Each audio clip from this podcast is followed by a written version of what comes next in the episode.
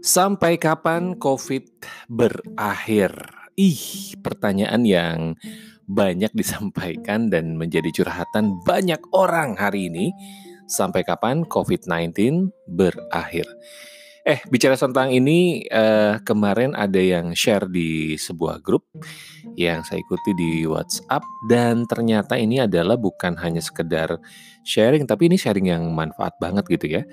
Jadi ada data science and AI for design innovation. Itu bukannya AI atau AL ini ya.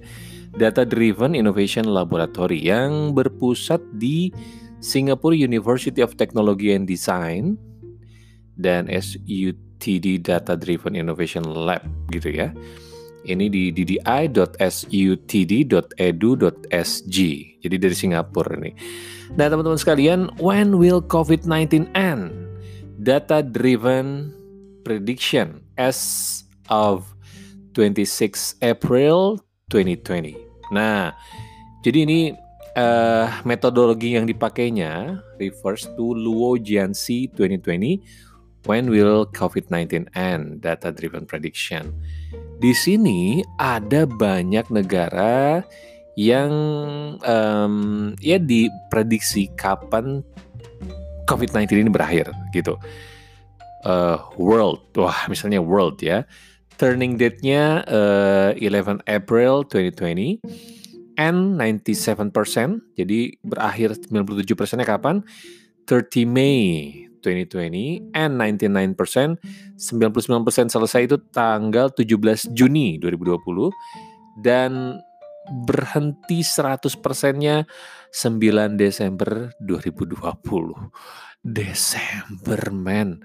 Desember bro, Desember sahabatku, Masya Allah. Hmm, ini sesuatu yang juga apa ya? Ya buat kita agak deg-degan juga ya. Ini prediksi tapi ya tetap ini adalah prediksi yang based on um, apa ya? uh, human knowledge gitu ya, based on human tools gitu. Kita nggak pernah tahu bagaimana Allah memberikan kepada kita sebuah hal yang ajaib untuk dunia ini ya. Nah, teman-teman sekalian di di sini ada countries ya, ada semua negara yang terpapar COVID-19. Let's see, kita lihat. Oke, okay, yang yang paling parah itu Italia. Oke, okay, Italia. Italy turning dates-nya 29 March uh, 2020. Uh, 97 97 persennya 8 Mei, 99 persennya 21 Mei, dan 100 persennya kemungkinan normal kembali itu 25 August 2020, 25 Agustus. Wow, lama banget gitu ya. Hmm. Coba kita lihat negara yang paling parah dan dekat dengan Indonesia adalah Malaysia ya. Let's see, ada nggak Malaysia? Ada, ada, ada, ada. Tapi oke okay deh, kita skip aja. Kita langsung ke Indonesia jadi penasaran. Indonesia, turning date-nya 20 April 2020, 97 Nih teman-teman dengerin ya, 97 persennya selesai itu tanggal 7 Juni 2020 ya. 99 persennya 24 Juni 2020. Dan 100% selesainya, predictednya ya, 7 September 2020. 7 September 2020. How come? September teman-teman sekalian ya. Hmm. Guru saya mengatakan kalau kalau kejadian COVID ini memperparah krisis yang terjadi. Ya, jadi mau ada COVID atau nggak ada COVID, krisis ekonomi terjadi. Tetapi hari ini COVID memperparah itu, gitu. Uh, kemarin saya jadi moderator di sebuah uh, Zoom meeting atau ya sebuah pertemuan komunitas bisnis gitu ya, dan di sana ada tamu um, yang menjadi pengusaha luar biasa, ini pengusaha nasional. Beliau punya pabrik percetakan yang dirintis dari tahun 1950 eh, dan pabrik itu bisa atau percetakan itu bisa melewati tahun 98. Jadi ini kan sebuah hal yang luar biasa. Kenapa 98 jadi highlights ya? Karena 98 adalah sebuah masa di mana semua turnover. Jadi semuanya bermasalah. Bermasalah itu dalam arti kata ada krisis yang terjadi, krisis. Dan Indonesia adalah krisis yang terkena krisis moneter ya. Kita ingat dulu dolar 1000, 2000 sampai 15.000. Eh, 15 ribu gitu ya lupa. Ya pokoknya sampai belasan ribu gitu ya pokoknya dari 2000 wah ini ini something ini luar biasa. Dan waktu itu kata Pak Hasan Toha ya beliau di wawancara itu kata beliau dulu krisis terjadi uh, dan yang kena itu yang kena impactnya adalah big company. Big company. Jadi company-company besar Nah, kalau sekarang yang kena adalah bukan hanya big company tapi every company, small company. Ya, UMKM kena, perusahaan besar kena. Kemarin aja baru baru kita baca ya ribuan orang di PHK di KFC gitu ya. Uh, padahal uh, stabil gitu ya perusahaan ini restoran ini restoran yang stabil gitu, tapi kena COVID nggak stabil.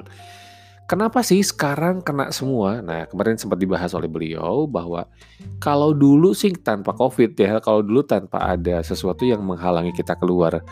Kalau sekarang krisis plus COVID, kita nggak bisa keluar. Kalau dulu masih ada usaha, masih bisa berusaha, masih bisa keluar, masih bisa ada daya beli gitu, karena ada menghasilkan. Kalau sekarang daya beli udah turun, ya teman-teman sekalian kemarin ada bapak-bapak yang jualin handphone bekas yang udah rusak hanya untuk beli beras.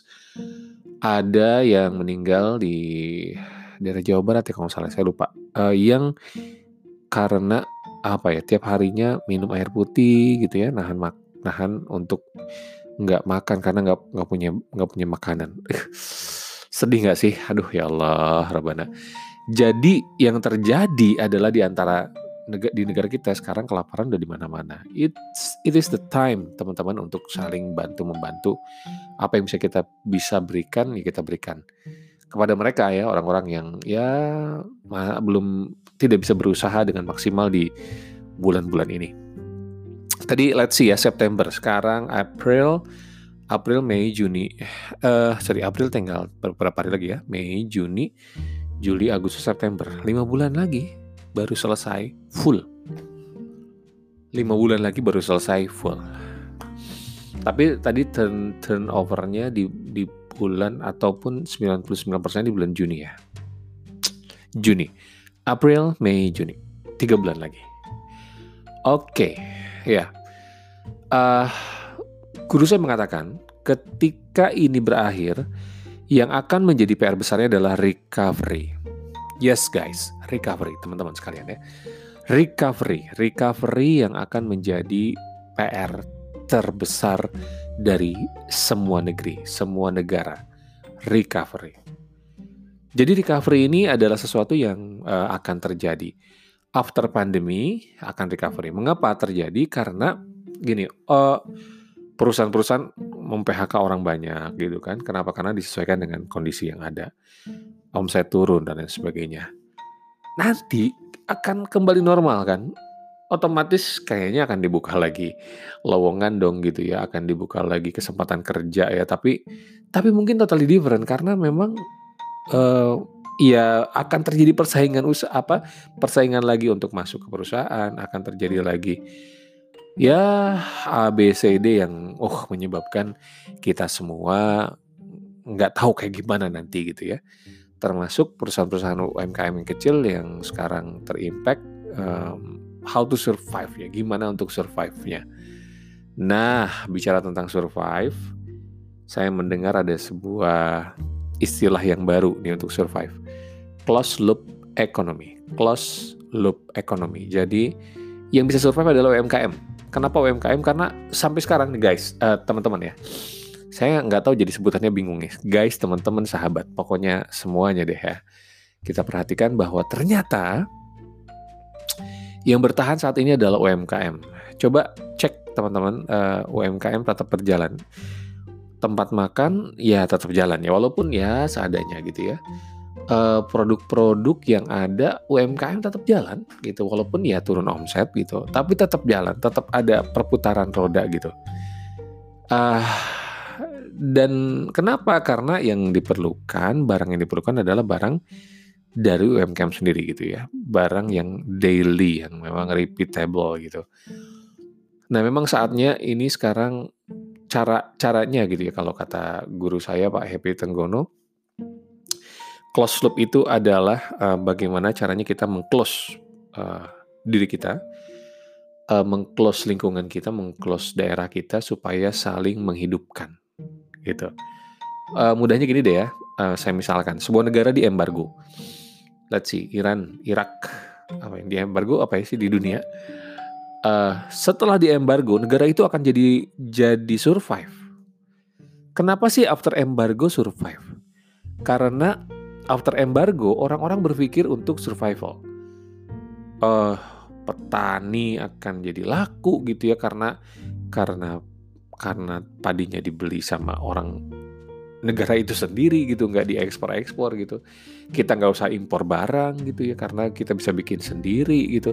Jadi semuanya serba sendiri. Nah sekarang juga saatnya teman-teman sekalian ya kalau kita ingin menghidupkan uh, negara kita ya saling memperkuat satu sama lain gitu. Uh, close loop ekonomi ini bagaimana kita saling mensupport satu bisnis dengan bisnis lain UMKM satu dengan UMKM lain ya uh, karena needs yang kita perlukan. Ya beras nggak usah beli sama sama perusahaan asing gitulah gitu ya, sama saudara sendiri deh gini deh. Cek ada nggak saudara yang jualan beras gitu. Cek ada nggak saudara yang jualan gula, ada nggak saudara yang jualan telur. Cek ada nggak saudara yang jualan minyak. Cek ada nggak saudara yang jualan uh, apa apa peralatan peralatan keseharian gitu daily daily ya customer goods kalau ada dari mereka dulu karena akan menghidupkan satu sama lain. Jadi perputaran roda ekonomi di situ-situ terus gitu ya, nggak ke mana-mana. Dan akan terus membesar. Mengapa? Karena kebutuhan masyarakat akan terus membesar juga. Hah, ini ngomong jadi ke mana-mana, tapi yang jelas adalah teman-teman sekalian, COVID-19 berakhir kita nggak pernah tahu. COVID-19 uh, eh, akan ada di dunia ini kita nggak pernah tahu. Yang kita tahu adalah kita bisa berusaha dan kita bisa berdaya. Tetap bisa berkarya dan produktif dan tetap kita bisa survive. Mengapa kita bisa survive? Toh yang dibutuhkan sehari cuma makan tiga kali. Sekarang Ramadan dua kali. Nggak banyak-banyak gitu ya. Jadi kalau misalnya ada sisa, ada apa pun ya kita bisa donasikan, berikan kepada orang lain. Dan teman saya nih, uh, Kang Agus, pemilik Bebek Endut mengatakan ini bakalan panjang. Jadi bukan sekarang. Jadi tahan nafas, tahan hold, hold, tenang, tenang. Jadi kalaupun misalnya mau, sekarang memang banyak ya uh, yang bantu, bantuan banyak, tapi nanti akan akan berat gitu. Prepare for the worst. Uh, mempersiapkan kalau yang terburuk terjadi gitu. But uh, kita uh, hadapi ya face with our best gitu. Hadapi dengan yang terbaik. Oke okay, teman-teman sekalian. Udahlah nggak usah mikirin covid-19 apa yang bisa kita lakukan? Kita lakukan. Apa yang bisa kita upayakan? Kita upayakan. Dan tetap berkarya. Oke okay, berjalan melihat dan 1,000.